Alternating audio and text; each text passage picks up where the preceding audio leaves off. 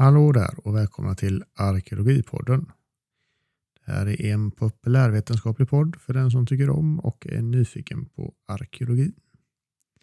Här tar jag upp lite olika ämnen som har med arkeologi att göra. Det kan vara olika fynd eller fenomen, specifika platser eller arkeologisk metod och teori. Den här veckans avsnitt är lite annorlunda till sin struktur den här gången är inte innehållet lika faktaspäckat som det brukar vara, utan det här är ett mer reflekterande och funderande avsnitt där jag gärna tar emot era tankar kring det här som jag kommer att prata om.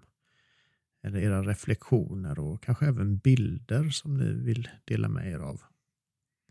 Jag kommer berätta i slutet av avsnittet hur man kan dela med sig av sina tankar och bilder. Idag tänkte jag nämligen prata om fornlämningar i snö. Och Det här är ett ämne som det inte verkar finnas så mycket skrivet om. Och det verkar inte vara så jätteväl beforskat, vad jag kan se i alla fall. Jag har i alla fall försökt eh, eftersöka information om det här utan några större framgångar. Eh, men om det är någon som lyssnar som har bra tips på texter eller forskning som jag har missat så får ni gärna höra av er för jag är väldigt nyfiken på att veta mer om detta och se om det finns någonting gjort på det här sedan tidigare. Ehm, så det här avsnittet kommer alltså inte vara byggt på någon omfattande research i ett speciellt ämne utan det här blir mer en diskussion kring några frågor som i grund och botten handlar om vad vi kan säga om syftet bakom vissa fornlämningar och vad vi som eh, arkeologer eh, på 2000-talet egentligen kan säga om hur man tänkte och tyckte om eh, vissa fornlämningar eh, under forntiden. Så vad är det då jag menar när jag säger fornlämningar i snö? Jo, egentligen så handlar det om att jag för ett par år sedan bedrev ett projekt där det bland annat ingick att uppmärksamma fornlämningar i en speciell region. Det här projektet höll på bara under ett års tid och det sträckte sig då från september ena året till augusti det andra året. Vilket fick till följd att jag var tvungen att besöka ganska många fornlämningar även under vinterhalvåret. Eh, och just den här vintern så var det faktiskt en hel del snö. Det är inte alltid det där, där jag befinner mig. Eh, så ett antal av de här lämningarna som jag besökte, de var snötäckta. Och det som slog mig var att vissa av de här lämningarna fick en helt annan karaktär. Enligt mig då, enligt min upplevelse åtminstone. När jag besökte dem i ett snötäckt landskap. Eh, så min upplevelse av platsen och fornlämningen blev väldigt annorlunda beroende på om jag var där när det var snö eller inte. Jag kommer ihåg till, till exempel ett gravfält från järnåldern som jag besökte. Eh, och just det här järnåldersgravfältet innehöll högar med resta stenar, alltså ovanpå högarna. Det är inte helt ovanligt gravskick eh, på, på järnåldersgravfält. Eh, det finns också teorier att där det kanske gravfält där det bara finns högar kvar idag, att det kanske har funnits resta stenar där. Så det här med resta stenar på högar kan ha varit ett vanligare fenomen än vad vi kanske ser idag. Men I alla fall, när jag besökte det här gravfältet tidigare under hösten, alltså innan det blev vinter, så, ehm, så eh, hade jag sett hur det såg ut. Så att det var när det var buxet med gräs och det fanns eh, lövträd runt omkring. Och när det inte var snö där så var det framförallt högarna som var väldigt framträdande på det här gravfältet. Man såg deras rundade former tydligt. Eh, det som var lite svårt att eh, se, eh, åtminstone på håll, det var de resta stenarna. Det var grönt runt omkring i gräset och det fanns träd med löv på bakom högarna så, så ehm, var det lite svårt att urskilja vissa av de här resta stenarna. De smälte liksom in i omgivningen kan man säga. Men när jag var där eh, på vintern igen och det var snö på det här gravfältet. Då var det relationen nästan den omvända i min upplevelse av gravarna. Då var det högarna som var lite svåra att urskölja. för de smälte in i ett böljande vitt landskap. Och Det var svårt att urskilja högarnas form. Eh, Svårt att se var eh, en hög började och den andra slutade eftersom konturerna var dolda under snön. Eh, och gränserna syntes inte lika tydligt. Men stenarna då som satt ovanpå högarna, de var mycket mer synliga. Alltså mot den här vita fonden som snön utgjorde så såg de här gråa stenarna nästan svarta ut. Eh, så det blev en väldigt kontrast Eh, mot det vita snötäcket. Och även om då vissa av stenarna också delvis var snötäckta så framstod de helt enkelt mycket tydligare. Ehm, och den här upplevelsen av det här gravfältet under de här två olika förhållandena eh, gjorde mig nyfiken på om det kanske finns fler platser att jämföra på det sättet. Så jag började söka efter bilder på fornlämningar och i snö och försökte hitta liksom, texter och artiklar som var skrivet på ämnet men det var svårt att hitta någonting egentligen. Det var till och med svårt att hitta egentligen bilder där man kunde jämföra då en fornlämning under två olika förhållanden. Överhuvudtaget så var det svårt att hitta bilder på fornlämningar i, i snö. Eh, och när man tänker efter så är det kanske inte så konstigt att det inte fanns så många bilder. Traditionellt så är det ju så att man är kanske inte lika mycket ute och tittar på fornlämningar i skog och mark när det är snö ute på vintern. Ehm, är man i alla fall säkert inte ute lika mycket som man är på sommaren. Och Det här gäller nog både arkeologer och turister och privatpersoner som fotar fornlämningar. För en arkeolog som jobbar så är det såklart eh, generellt så att ett snötäcke försvårar det arkeologiska inventeringsarbetet eller utredningsarbetet. För om man är på en plats och inventerar eller gör en utredning så riskerar man ju att missa väldigt många lämningar på en plats som det är snötäckta förhållanden. Så därför gör man ju såklart de flesta utredningar och inventeringar eh, Eh, på sommaren och våren och hösten eh, snarare än under snöiga vinterförhållanden. Ehm, och man kan nog tänka sig att även turistande fornlämningsbesökare tenderar att besöka intressanta platser. Kanske framförallt när det inte är snö. Så det är väl säkert därför det inte finns så många platser porträtterade på bild och i text eh, utifrån eh, ett, snö, ett snöigt landskap. Utan när man beskriver en fornlämning så är det nästan alltid då under eh, vår, sommar eller höstperspektivet. Ehm, så det är inte så konstigt i sig. Men man kan ju då fundera lite grann över hur rimligt det är att alla våra fornlämningar är tänkta att användas eller upplevas endast under de årstider som inte innehåller snö.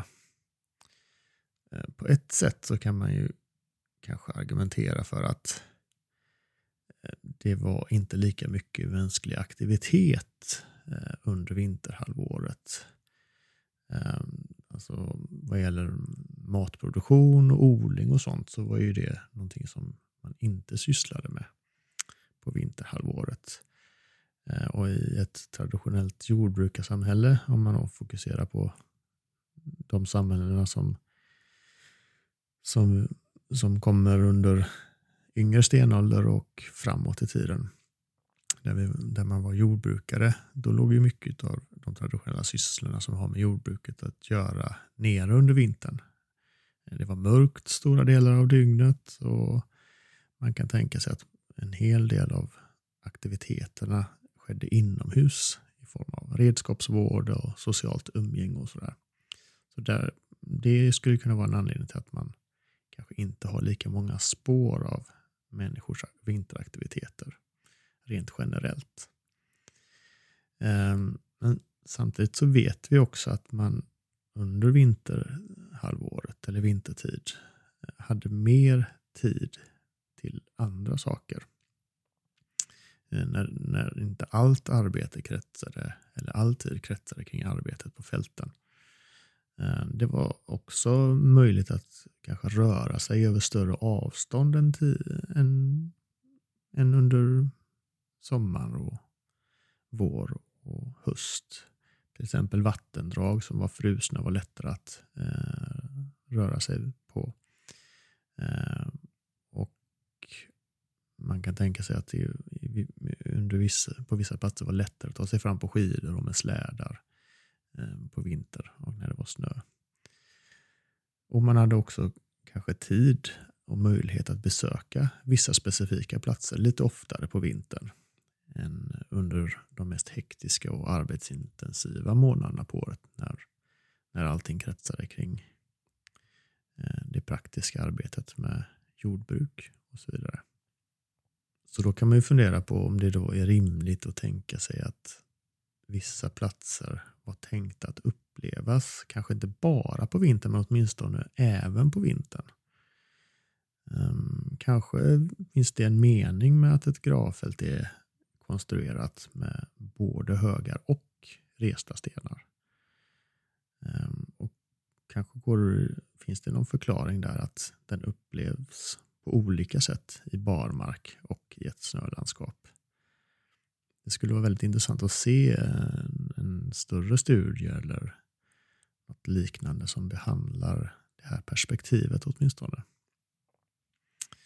Eh, och vi vet ju också att vi har haft i, i forntiden har vi haft perioder av kallare klimat. Så till exempel under delar av järnåldern så var det kallare än vad vi har det idag. Då kunde man ju på ett helt annat sätt förutsätta ett snötäckt vinterlandskap varje år. I alla fall i högre grad än vad vi kanske är vana vid att göra under, i vissa delar av vårt land idag. Eh, och om det här kallare klimatet försiggick under hundratals år, då kan man också tänka sig att det fick betydelse i till exempel praktiker som handlade om gravsättningar och annat. Um, och vi vet också att till exempel vintersolståndet har varit ett betydelsefullt tillfälle under året. Um, det vet vi både kring vissa traditioner som vi fortfarande har idag eller vi ser spår av idag. Det finns ju också skriftliga källor som påvisar att uh, vintersolståndet har varit viktigt eh, under järnåldern till exempel. Um, och att det finns ju också teorier då att vissa gravar har varit placerade på ett visst sätt för att fånga solens strålar på ett speciellt sätt vid just vintersolståndet. Det som man kanske tänka, kommer att tänka på mest är ju eh, den stora gravanläggningen från yngre stenåldern på Irland som heter Newgrange. Eh, just vid vintersolståndet där så lyser solen rakt in i gravkammaren Eh, varje år. Eh, och det händer bara vid det, just det specifika tillfället. Så man vet att, att det här har varit en, en tid som varit viktig på olika sätt och på olika platser. att man gjorde saker på vintern står klart och att man också har konstruerat platser eh, utifrån ett vinterperspektiv står också klart. Till exempel gravar, att de skulle upplevas på ett visst sätt under den här tiden på året. Det verkar vara ganska klart ändå. Det är mycket som tyder på det åtminstone. Och detta gör ju då att sannolikheten är relativt stor att vi kanske faktiskt har fler fornlämningar som är tänkta att upplevas på ett specifikt sätt i ett just snötäckt landskap. Och nu har jag ägnat en del tid åt kraft åt att motivera varför det är ganska sannolikt att vissa lämningar har varit ämnade att användas eller upplevas i snö.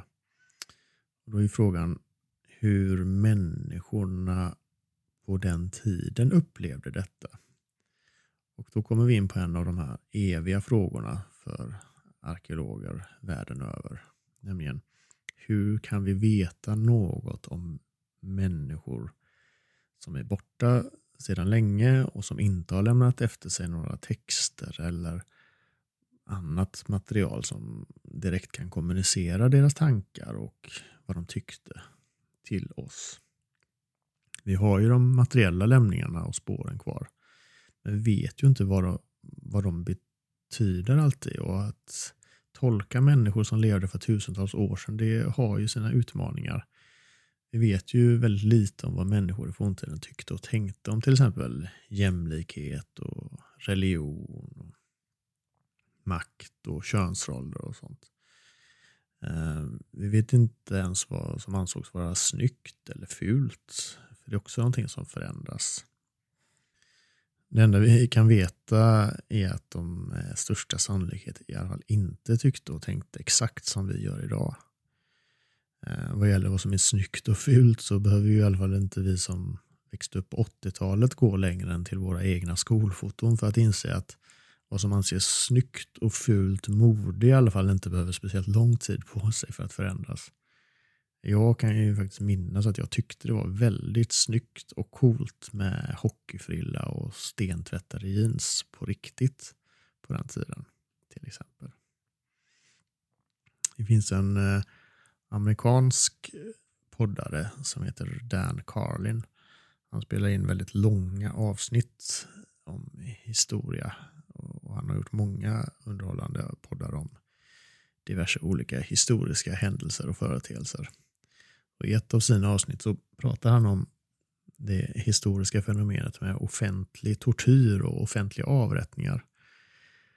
Han pekar där på det faktum att det faktiskt inte är någon biologisk skillnad på oss människor som lever idag och de människor som under till exempel medeltiden samlades för att eh, titta på de här offentliga tortyrsessionerna som man hade. Och bestialiska uppvisningar i hur man kan eh, orsaka en annan människa så mycket smärta som möjligt utan att den, eh, den människan dör. Och Det finns ju ingen skillnad på genetisk nivå som skiljer de här människorna som stod där och tittade på detta eh, från oss. Utan I alla biologiska hänseenden så är vi de, de samma. Men det är svårt att tänka sig att så många av oss som lever idag skulle kunna bevittna en sån tillställning utan att må, må eh, som fysiskt och psykiskt dåligt. Eh, de flesta av oss skulle inte klara av det överhuvudtaget. Men många, och kanske inte alla på den tiden, tyckte att det var ett eh, folknöje och att man gärna gick och tittade på något sånt. Och man som hejade på det som man såg framför sig. Um, så det visar ju lite grann om hur, hur svårt det kan vara då att, att uh, förstå och förklara hur människor tyckte och tänkte eh, ännu längre bak i tiden. Och hur kan vi då säga något alls om de här människornas tankar och uppfattningar om omvärlden? Det kan ju kännas som en ganska omöjlig fråga. Och Det här är ju någonting som den arkeologiska forskningen och diskussionen har stött och blött under hela sin, eh, sin tid egentligen som den har funnits. Och Det kan mycket väl vara så att vi återkommer i något framtida avsnitt för att prata om några av de metoder och teorier som man inom arkeologin använder sig för att komma de forntida människorna nära och kunna prata om eh, hur de tänkte och varför de tänkte på ett visst sätt. och sådär. Och Jag vill poängtera att jag menar inte att det inte går eh, att säga något om vad människor har tyckt och tänkt och känt i forntiden. Men det är förknippat med väldigt många problem och utmaningar att, att försöka sig på det. Men en sak som man kan vara säker på ändå, det är att vi fysiskt ändå kan veta hur människor förr i tiden har uppfattat vissa saker. Och det skulle kunna vara till nytta när vi pratar om det här med snö och fornlämningar. Till exempel så kan vi vara ganska säkra på att man uppfattade konturer och kontraster på samma sätt som vi gör idag. Att till exempel ett gravfält med högar och resta stenar framstår på ett annat sätt i snö jämfört med barmarksförhållanden. Eh, I förra avsnittet så pratade vi om gravrösen och funderade på hur lång tid det tog att färdigställa ett sånt. Där kan vi också vara säkra på att den fysiska ansträngningen att konka upp tunga stenar på en bergstopp, det var lika jobbigt då som, som det är idag. Och I vårt fall här med snö så kan vi också vara hyfsat säkra på att snö var något som lyste upp ett landskap på samma sätt som vi uppfattar att det gör idag. För ögonens förmåga att uppfatta ljus är ju detsamma eh, eftersom vi inte biologiskt eller fysiskt skiljer oss åt från de här människorna. Och Det här kan ju verka som ganska självklara och intetsägande slutsatser. Det är ju självklart att det är så.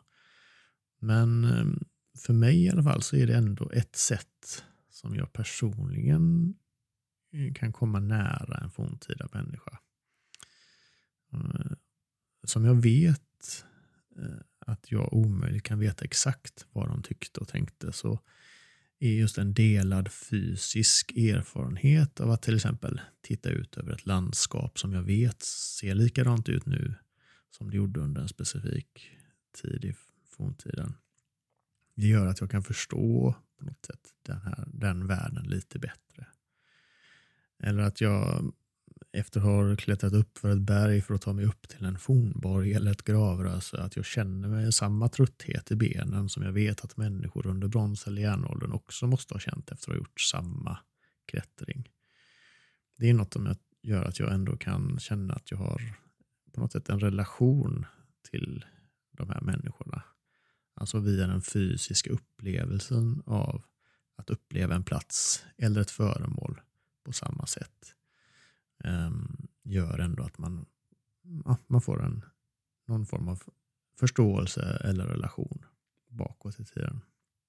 Och det, för det här gäller ju såklart också föremål. Att, att hålla en flintyxa till exempel i handen och uppleva hur tung den är är ju exakt samma fysiska upplevelse som en eller flera människor har haft av exakt samma yxa för tusentals år sedan.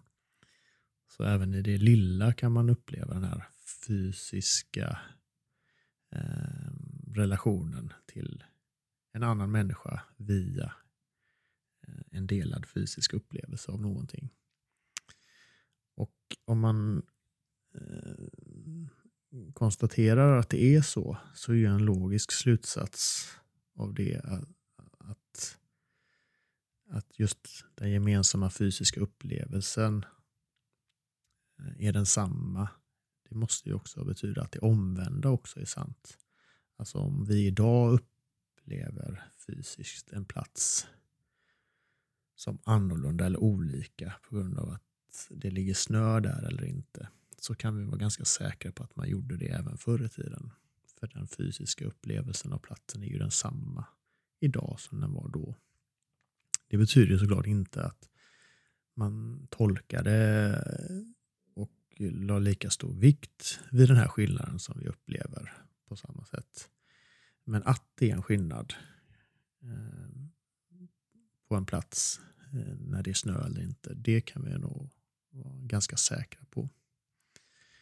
Och jag tycker att detta räcker egentligen för att eh, göra det intressant att forska vidare på det här. Ehm, för om man kan argumentera för att vissa lämningar är ämnade, åtminstone delvis, att upplevas på ett speciellt sätt i, ett snö, i en snötäckt kontext så kan det ju säga någonting om både hur den tidens människor levde sina liv och vilka tidpunkter på året som var viktiga att ägna sig åt vissa saker till exempel.